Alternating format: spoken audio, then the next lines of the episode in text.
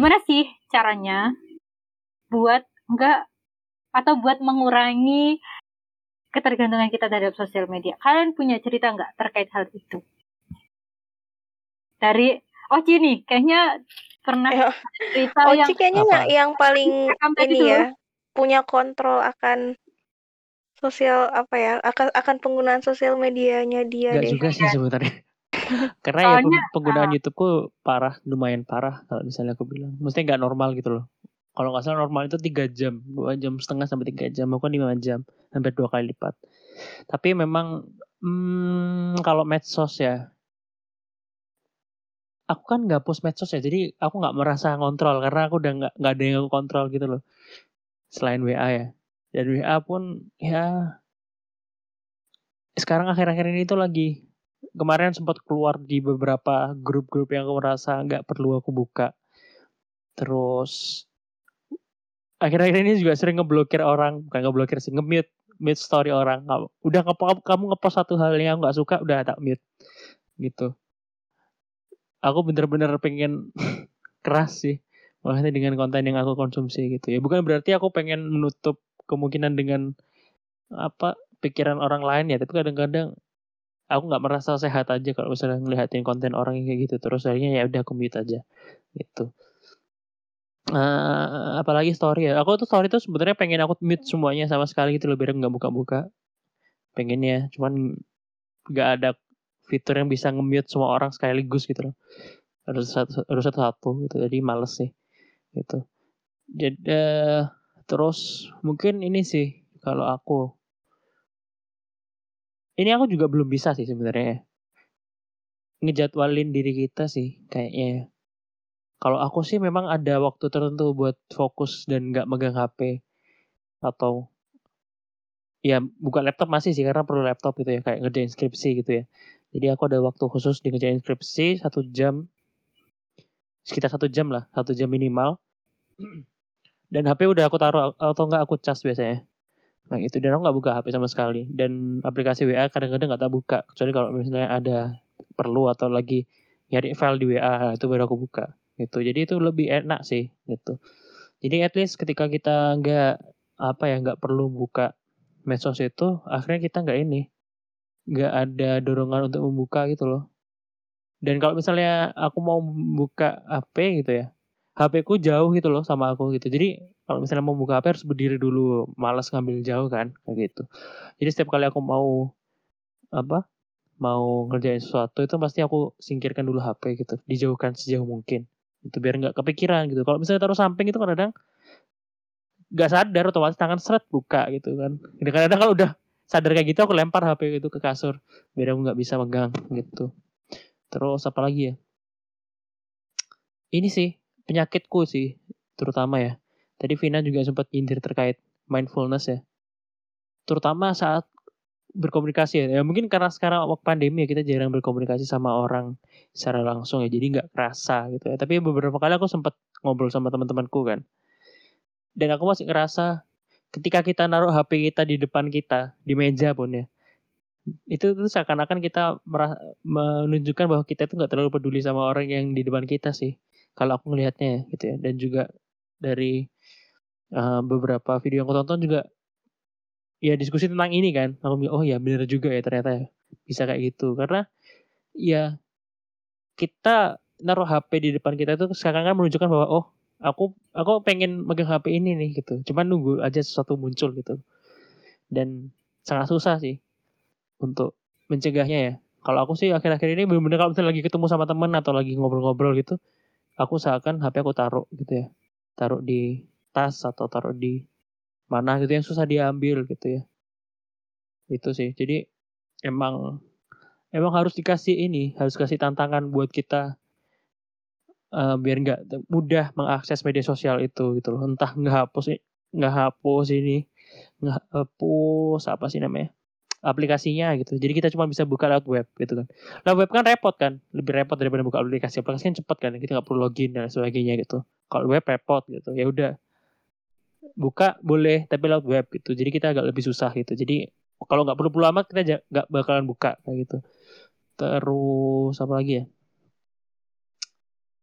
Uh, ya kalau ini ini aku juga pengen nyoba sih tapi masih belum berhasil itu.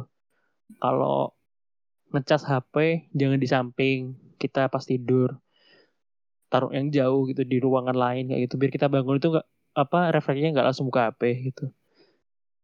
Dan beli jam waker gitu kan. Jam waker juga nggak mahal-mahal banget. Kayak gitu. mahalan ya HP hmm. Maksudnya untuk membantu kita hidup lebih tidak bergantung pada HP lah gitu itu sih. Karena aku masih sering sih ngerasain. Mungkin teman-teman juga ngerasain kalau misalnya pas rapat atau pas kumpul gitu. Lihat aja di HP HP HP taruh di mana. Entah di samping di depan di belakang. Ya meskipun nggak buka ya. Meskipun saat itu nggak buka ya. Tapi itu menunjukkan kita tuh ada intensi untuk membuka itu gitu loh. Jadi ya seakan-akan kita diduakan gitu kita ketika kita ngomong sama orang lain. Itu sih kalau aku. Mantul. Kalau Anji gimana Anji kamu kan tadi ada cerita gitu ya tentang uh, merasakan efek-efek gejala-gejala yang tuh diwaspadai ini dan uh, kamu merasa saat ini cukup berhasil untuk mengontrol hal itu. Tuh, apa yang kamu lakukan dan bisa sharing-sharing ke kita nggak gimana caranya kamu mengontrol hal itu? Uh, aku sih ini ya, kalau menurut aku pertama-tama harus sadar dulu ya kalau ini sesuatu yang kurang tepat. Nah, aku udah kecanduan, harus ada kesadaran dulu. Baru action untuk mengubahnya. Sebenarnya ada beberapa cara sih yang dulu pernah aku tempuh. Ada yang berhasil, ada yang enggak. Misalnya uninstall aplikasi yang kayak Oci bilang tadi. Jadi cuma bisa dibuka lewat web. Waktu itu aku coba di Instagram. Cukup berhasil sih, cuman karena kurang disiplin dengan diri sendiri ya jadi ujung-ujungnya dibuka juga. Tapi itu bisa jadi salah satu cara sih ya. Jadi ketika kita buka Instagram, ada apa handicap handicap yang harus handicap yang harus kita lewati gitu. Jadi membuat kita eh, nggak uh, nggak gampang buka IG terus aku juga pernah coba pakai fitur pewaktu aplikasi yang di medsos biasanya ada. Jadi kalau misalnya udah lewat dua jam misalnya kita timer dua jam. Kalau udah lewat dua jam berarti aplikasi itu nggak akan bisa kita buka seharian. Tapi balik lagi ya, HP-nya kan HP kita, jadi kita bisa ubah settingnya kapan aja. Jadi ya harus harus disiplin dari diri juga. Terus apalagi ya? Uh, kalau aku biasanya ketika sama orang lain ya, itu jarang buka HP sih sebenarnya. Tapi masalahnya sekarang lagi pandemi ya. Ini ya di sinilah ujiannya gitu. Semua serba online komunikasi serba online jadi agak susah untuk uh, lepas dari medsos gitu. Kalau dulu ya pas masih banyak kegiatan offline aku bisa kalau kegiatan itu jarang buka HP jadi kalau misalnya lagi cara itu ya HP tak taruh di tas aja. Cuman kadang bablas juga gitu. Jadi kalau ada yang ngomongin ya nggak tahu gitu. Kalau sekarang ya mungkin bisa memfokuskan uh, kegiatan-kegiatan kita tuh di lab. Jadi kayak hmm, kalau ada, ada Zoom meeting atau ada kuliah atau ada apa gitu ya itu bisa lewat laptop karena laptop kan lebih susah ya untuk bersosial media. Kalau misalnya kalau buka Instagram hmm, nggak mm, segampang HP gitu. Terus kalau buka WA pun HP harus nyala. Jadi mungkin bisa difokuskan ke laptop sih. Terus hmm, aku juga punya kebiasaan ya kalau misal ngecas HP pasti HP-nya aku matiin. Jadi aku nggak nggak menggunakan HP-ku sampai benar-benar habis baterainya terus aku nyambi ngecas. Itu tuh malah makin buat kita addicted kalau menurut aku. Uh, biasanya misalnya udah berapa persen udah merah gitu ya baterainya mungkin 20 persen terus aku matiin terus aku cas. Nah, biasanya kan kalau sampai penuh mungkin satu setengah jam ya. Atau sampai dua jam lah buat ngecas. Jadi lumayan tuh bisa dipakai buat yang lain. Kalau kayak kalau aku kayak gitu sih hmm, apalagi ya? Mungkin itu sih aku belum kepikiran lagi. Tadi udah banyak juga yang disampaikan oleh Oci. Tapi menurut aku yang paling penting pertama harus disiplin sama harus sadar dulu. Karena uh, penggunaan medsos itu semuanya ada di kita ya. Kita mau ngatur HP kita sedemikian rupa kita mau ngubah settingnya ya kita sendiri bisa ubah lagi settingnya. Jadi uh, apa namanya jadi pertahanannya tuh ada di kita aja. Gitu emang harus disiplin sih. Kayak misalnya nggak nggak buka HP berkomitmen untuk kalau menjelang jam tidur nggak buka HP nah itu kan seharusnya itu bisa membuat kita tidur lebih lebih uh, lebih tidur kita lebih berkualitas gitu. Cuman itu tadi godaan-godaan kayak aku dulu. Karena merasa aduh pengen ngeliat hiburan nih. Padahal udah ngantuk juga sebenarnya. Akhirnya kebablasan dan nggak jadi ngantuk. Terus uh, waktu tidurnya terganggu. Dan itu ganggu banget sih seharian. Misalnya kalian pernah nggak kalau misalnya bener-bener fokus banget buka medsos gitu ya, scroll medsos aja sekian jam itu nanti kebawa gitu. Seharian nggak e, berasa nggak produktif ngerjain apa apa males nggak nggak apa ya nggak semangat ngerjain yang lain pengennya yang lanjut scroll scroll aja gitu jadi secara apa ya ya mengganggu kerja sih aku merasa paling merasa paling terganggu ketika itu mengganggu pekerjaan itu uh, apa lagi ya? Aku rasa itu Steven. Kalau menurut kamu gimana? Menurut aku sama kayak kalian. aku cukup setuju sih sama statement statementmu yang bilang itu kembali ke kedisiplinan pribadi dalam mengatur apa namanya penggunaannya kayak gitu sama kesadaran itu. aku mau cerita nih terhadap usahaku untuk mengurangi penggunaan uh, eh, HP ya khususnya sosial media gitu karena dulu pernah aku merasa saking apa ya fullnya otakku gitu dengan sesuatu hal di sosial media. Aku juga nggak ngerti sih apa namanya apa sih yang aku lakukan di sosial media gitu. Tak pikir-pikir kalau misalnya uh, kalian bilang scroll scroll aku tuh nggak scroll scroll coy di media di media sosial tuh. Nggak nggak kayak gitu. Di Twitter pun nggak scroll aku cuma kebutuhanku uh, bikin status itu doang. Di Instagram cuma kebutuhanku bikin story itu doang. Terus aku mikir apa ya yang bikin aku uh, sebegitu etiknya sama sosial media? Terus tak tak lihat-lihat adalah emang interaksi sih. Interaksi kebutuhan interaksiku di sosial media. Cara misalnya berkomunikasi sama teman-temanku kayak gitu. Uh, dan itu ternyata menyita banyak banget waktu gitu. Sampai aku tuh kadang kewalahan untuk mengaturnya gitu. Terus apa aku terlalu banyak menanggapi curhat ya. Hmm, menarik sih aku merasa apa namanya kayak apa ya namanya maka aku kan pernah ceritakan ke kalian. Apa namanya aku pengen off dari WA aku aku mau challenge diriku buat enggak ini WA gitu kan. Karena di WA itu benar-benar isinya tuh full interaksi gitu. Kenapa aku banyak banget melakukan kegiatan di sana? Karena itu adalah interaksi interaksi aku dengan aku dan teman-temanku gitu teman-teman yang entah itu di psikologi entah teman-teman yang ada di organisasi atau teman-teman yang ada di sana di luar. Yang bahkan kadang aku nggak kenal itu siapa kayak gitu. Tapi ada sesuatu hal yang mungkin uh, karena aku adalah anak psikologi aduh aku jadi menyalahkan posisi psikologi? Tapi nggak apa-apa sih sebenarnya. Cuma aku aja nggak bisa ngontrol gitu. Sehingga uh, waktu yang aku gunakan untuk berinteraksi di sosmed itu nggak terkontrol banget gitu.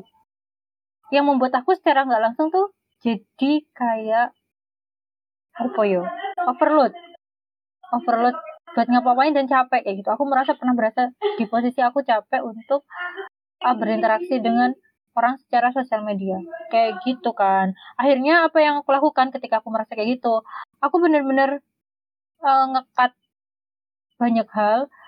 Uh, ketika ada orang yang ngechat dan aku nggak begitu apa ya namanya siap dengan apa yang dicat bahasan apa yang dicat akhirnya aku mengabaikan orang-orang tersebut kayak gitu. Meskipun sebenarnya aku online dan aku balesin orang lain, tapi ya hanya orang-orang lain tertentu doang yang aku bales kayak gitu. Dan topiknya pun hanya topik-topik tertentu doang karena aku merasa di situ aku ada sebuah kelelahan emosional, ada sebuah kelelahan pikiran juga gitu ketika aku harus menanggapi banyak hal gitu.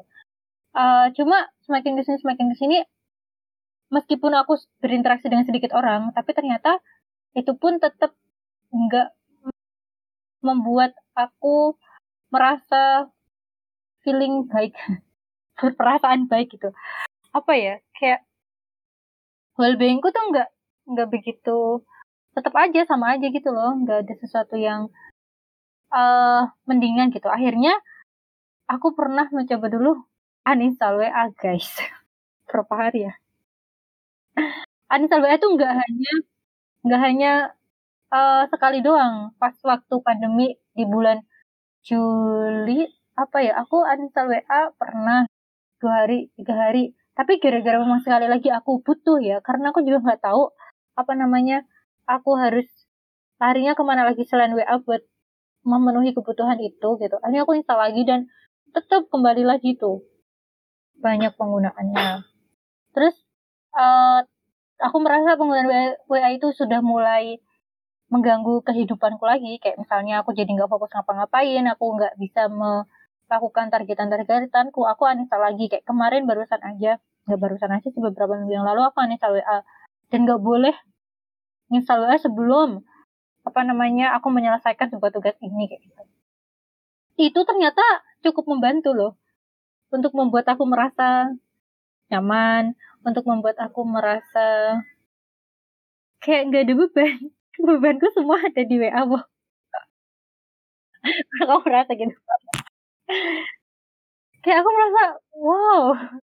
Emang kalau misalnya kita lagi pengen melepaskan diri dari dunia ini kayaknya paling enak emang ninggalin HP deh. Heeh. Cuma kadang tuh aku merasa gini loh teman-teman. Ya oke okay, aku merasa tenang, aku merasa apa namanya baik gitu. Benar-benar aku merasa aku bisa produktif aku setiap hari ketika aku nggak beanan ya setiap hari itu aku olahraga loh. Kayak aku mau sama setiap hari aku olahraga aku setiap hari baca buku aku setiap hari melakukan sesuatu yang menurut aku tuh bisa buat diriku sendiri. Masa kayak gitu-gitu. Makanya masak lalala uh, dan itu aku merasa cuma aku mer uh, di satu sisi aku merasa apa namanya uh, ini oke okay, aku merasa emang lebih produktif tapi ternyata ada satu sisi yang lain yang menyadarkan aku, woi kamu tuh lari dari tanggung jawab. di WA itu ada tanggung jawabmu yang belum kamu selesaikan gitu. Akhirnya aku balik lagi ke WA, terus aku berpikir, oh bukan gini caranya gitu. Untuk mengurangi intensitas aku menggunakan sosmed terlebih WA itu, caranya tuh nggak lari gitu, nggak lari dari sesuatu yang membuat aku nggak well gitu. Tuh, terus akhirnya uh, saat ini aku sedang mencoba untuk membatasi penggunaannya. Kayak tadi apa yang dilakukan sih sama sih. Aku nyeting HP ku buat maksimal penggunaan WA tuh segini YouTube tuh segini terus Instagram tuh segini.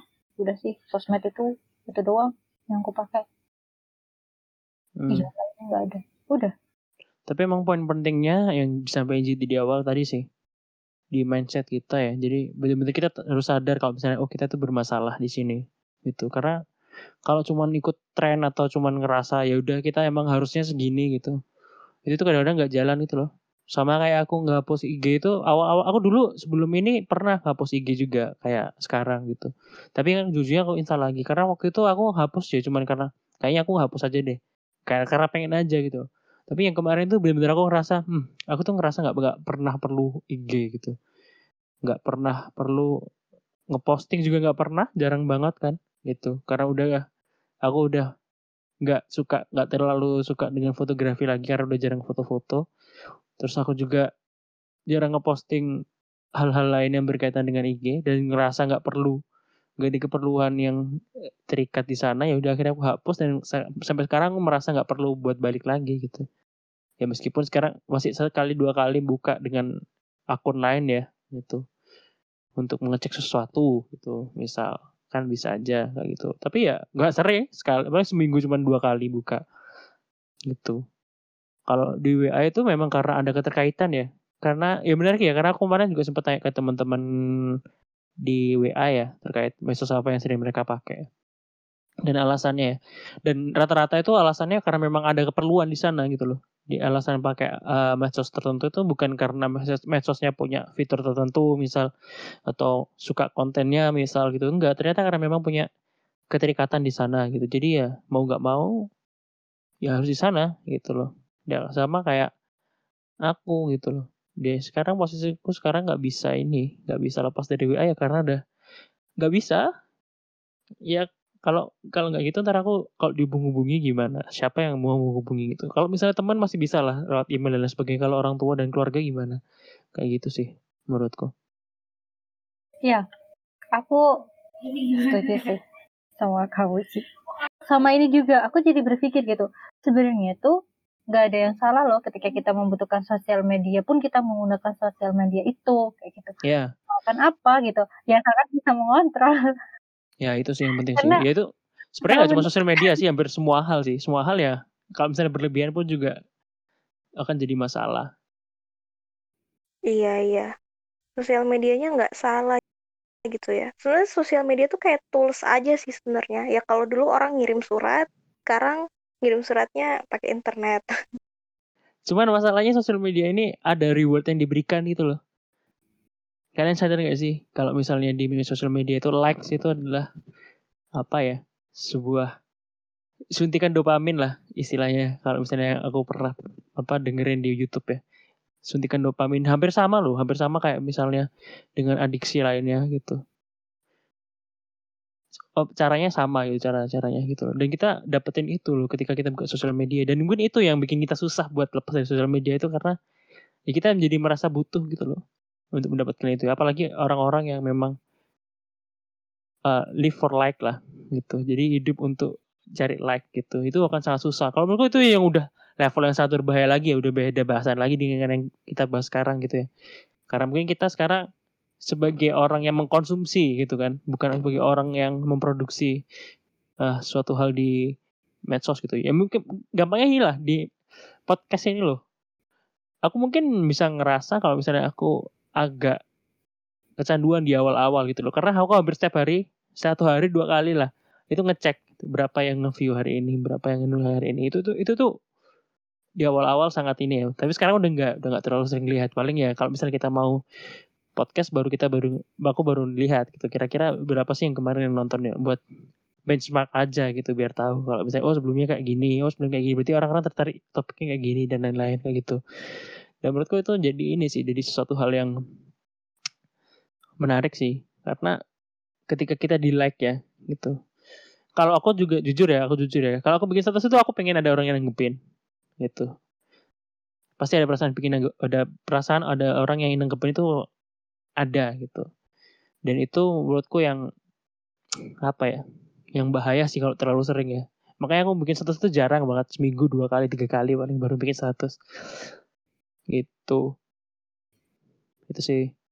Uh, kalau aku dari cerita kalian kalian kalian juga uh, kecemasan gitu ya itu kecemasan dari medsos tuh banyak faktornya ya. Bisa misalnya medsos komunikasi antar orang kayak WA lain itu biasanya kita merasa capek overwhelmed itu karena aktivitas yang ada di dalamnya juga. Hmm, misalnya terlalu banyak berkomunikasi dengan orang atau banyak tanggungan-tanggungan yang ada di sana itu yang membuat kita capek gitu capek overwhelmed. Cara mengatasinya ya menyelesaikan tanggungannya atau istirahat sebentar lah dari segala hiruk pikuk WA itu. Tapi ada juga kan ya orang-orang yang memang uh, stres itu karena ingin mendapatkan uh, apa ya mungkin namanya pengakuan gitu kali ya dari medsos gitu dari orang-orang yang ada di medsos. Jadi kayak apa yang dia posting itu menjadi sebuah produk terus orang-orang yang ngelihat postingannya itu atau ngeliat produknya itu kemudian judging ini bagus atau enggak dan judgement itu yang membuat seseorang itu terbebani. Kan ada ya yang kayak gitu dan ini ya ini udah agak melebar cuman ini banyak juga terjadi di anak-anak muda sekarang dan kayaknya menjadi faktor pemicu stres juga ya. Aku nggak tahu nanti Vina mungkin punya datanya emang pernah baca uh, data yang lebih valid. Cuman kalau aku Hmm. lihat kayaknya juga sebagai pemicu stres ya kayaknya ini juga bisa jadi gitu. topik bahasan kita selanjutnya sih. Iya maksudnya uh, ya kan oh ya ada istilahnya insta fake gitu kan sekarang insta fake. Jadi ya, yang ditampilin di insta itu fake gitu. Uh, apa apa sih istilahnya? Uh, pencitraan ya pencitraan doang. Kadang jauh berbeda di real life. Iya menarik sih. Apalagi kalau misalnya nanti mungkin pendengar ya kalau misalnya ada yang dengerin bisa ikutan. Sama kita iya, ngobrolnya iya. juga lebih asik juga sih kayaknya iya. gitu. Asik banget. iya, ini, Enggak, karena karena di sini kita sih sebenarnya Ah, karena kita oh, di sini nggak ada konten kreator, maksudnya nggak ada konten kreator yang benar-benar iya mengejar itu gitu loh. Maksudnya biar kita bisa tahu juga gitu. Iya, gitu menarik sih. sih nanti undang siapa gitu yang sering yang sering posting di sosmed. Aku mah nggak begitu pribadi. Kalau aku pribadi nggak begitu masalah sih mau yang like berapa ya nggak masalah. Nggak pernah ngecek like juga berapa. yang penting aku posting aja. Nggak nggak ada yang komen juga nggak. Cuman ya mungkin orang-orang tuh lebih aware terhadap hal itu ya daripada kita. Uh, terus sosmed ini sebenarnya kalau dulu ya aku ngeliat kalau dulu tuh kayak TV gitu. Dulu aku addicted juga sama TV. Aku tiap hari pasti nonton TV. Sampai ya berkacamata gara-gara terlalu banyak nonton. Sekarang beralih nih. Sos. Jadi menurut aku ini perubahan bentuk aja sih. Dan uh, tentu aja dengan metos. Kalau dulu di TV yang dijajing cuma artis, kalau di medsos semua orang bisa saling judge each other. Jadi ya itu makin ribet lagi sih makanya. Ya sekarang konten yang bikin konten nggak cuma orang TV doang yang bisa ngelihat ya tapi di sisi lain juga mm -mm. yang ngeritik juga nggak cuma orang-orang kritikus profesional doang. Semua orang bisa mengkritik bisa ngasih masukan oh, oh benar ya tapi ini loh apa namanya yang dibilang Oke di awal aku mau menanggapin ya yang membutuhkan eh yang apa yang reward reward itu ya hmm, yeah. secara umum memang apa namanya konsep medsos itu hadir untuk itu kayak gitu untuk memenuhi kebutuhan manusia uh, terkait kebutuhan untuk aktualisasi diri bisa atau kebutuhan untuk diapresiasi gitu. Jadi kayak ya sebenarnya apalagi di masa-masa remaja dan masa-masa dewasa awal kayak gitu ya ada kebutuhan perkembangan yang uh, dibutuhkan kebutuhan perkembangan dibutuhkan kayak apa sih bahasanya ada sesuatu kebutuhan yang harus penuh di masa itu dan sosmed itu merupakan sebuah media yang menawarkan hal tersebut kayak gitu jadi kayak akhirnya banyak orang yang lari ke sana, banyak orang yang uh, tenggelam untuk berinteraksi di sana, tenggelam melakukannya gitu. Makanya dibutuhkan beberapa atau berbagai macam kontrol dalam melakukan hal tersebut gitu. Aku merasa ini sih apa namanya cukup bersyukur karena selama ini, selama aku merasa kan atau menggunakan medsos ini, aku diberikan kesadaran oh ada yang salah nih sama penggunaan sosial mediaku, ada yang salah dengan penggunaan handphoneku, internetku kayak gitu sehingga uh, membuat aku mencari-cari cara supaya aku bisa mengurangi hal tersebut atau kembali kembali apa? Kembali ah hidup sepenuhnya dengan tidak ketergantungan dengan hmm. itu Hidup semua. lebih mindful lah ya. Iya. Oke. Okay. Sebenarnya bahasan kita ada lagi nggak ya? Kayaknya udah sih. Hmm. Tapi benar-benar dari... bahasan hari ini membuka banyak hal sih menurutku. Oh bener, aku iya, merasa, bisa melebar ke mana-mana juga sih, bisa. Aku merasa ini curhat sih curhat yang membuatku bahagia. Hmm, sekaligus sharing okay. juga terkait dengan apa yang aku tahu tentang hal ini. Karena kan aku juga lagi berada di fase ini gitu fase bagaimana caranya untuk tidak terlalu bergantung sama ini gitu. Sama menghadapi permasalahan ini juga. Gitu teman-teman. Oh, iya ya tapi aku rasa anak-anak muda di zaman kita memang uh, ini sih problem medsos ini ya kayaknya hampir semua pernah merasakan atau sedang merasakan. Karena kita lahir kan memang di, di era medsos. Maksudnya kita kita beranjak remaja ya saat itu pun medsos booming. Hmm. itu udah berapa tahun tuh? Berapa ya? 10 tahunan ya satu dekade le- lebih. Jadi kayak ini udah jadi sesuatu yang bukan instan bukan instan tapi emang udah dari lama terbentuk dan ya jadilah seperti sekarang Iya, aku tadi menemukan sebuah info menarik kayak gitu. Enggak sih, menurut aku menarik karena aku penasaran. Penasaran untuk membandingkan membandingkan hidupku dengan secara umum itu kayak gimana. Jadi kan aku searching kan. ah, sebenarnya penggunaan internet, eh penggunaan internet apa penggunaan handphone ya? Aku lupa. Apa namanya? Kayaknya internet sih. Penggunaan internet rata-rata di Indonesia itu seberapa kayak gitu kan. eh ketika sebelum pandemi penggunaan internet itu rata-rata sekitar 8 jaman. Itu internet ya. Internet kan ada banyak kegiatannya. Terus habis itu setelah pandemi rata-rata pengguna internet dalam sehari itu bisa sampai 11,6 jam.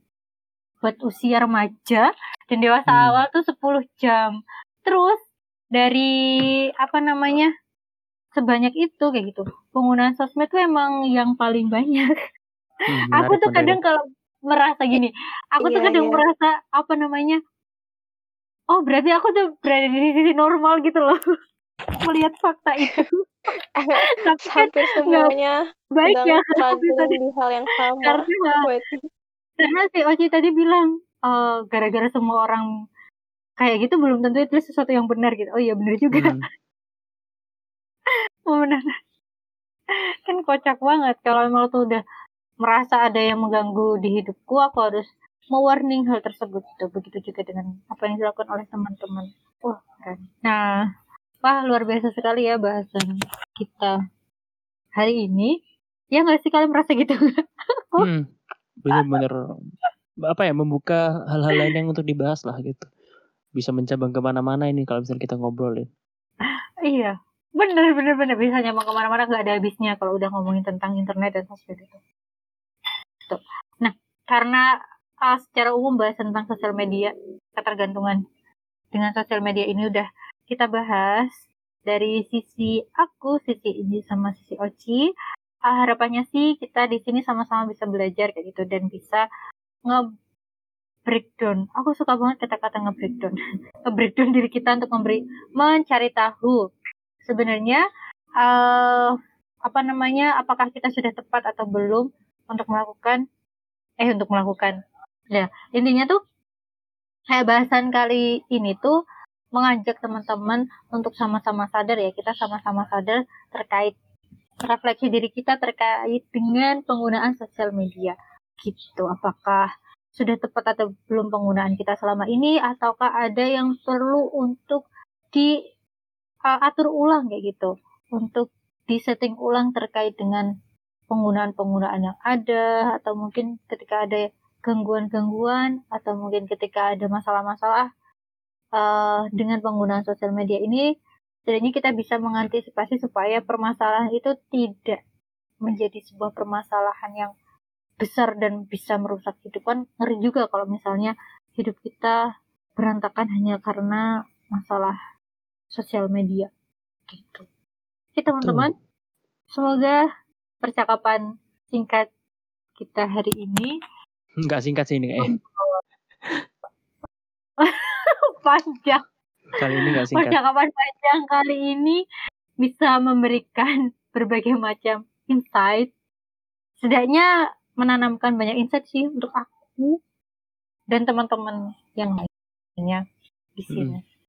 Dan kita bisa uh, sedikit-sedikit menjadi orang yang bergerak kepada kebaikan sama dengan nama rumah kita, rumah sedikit lebih baik. Ya, sampai jumpa di bahasan kita selanjutnya. See you. Dadah, see you next time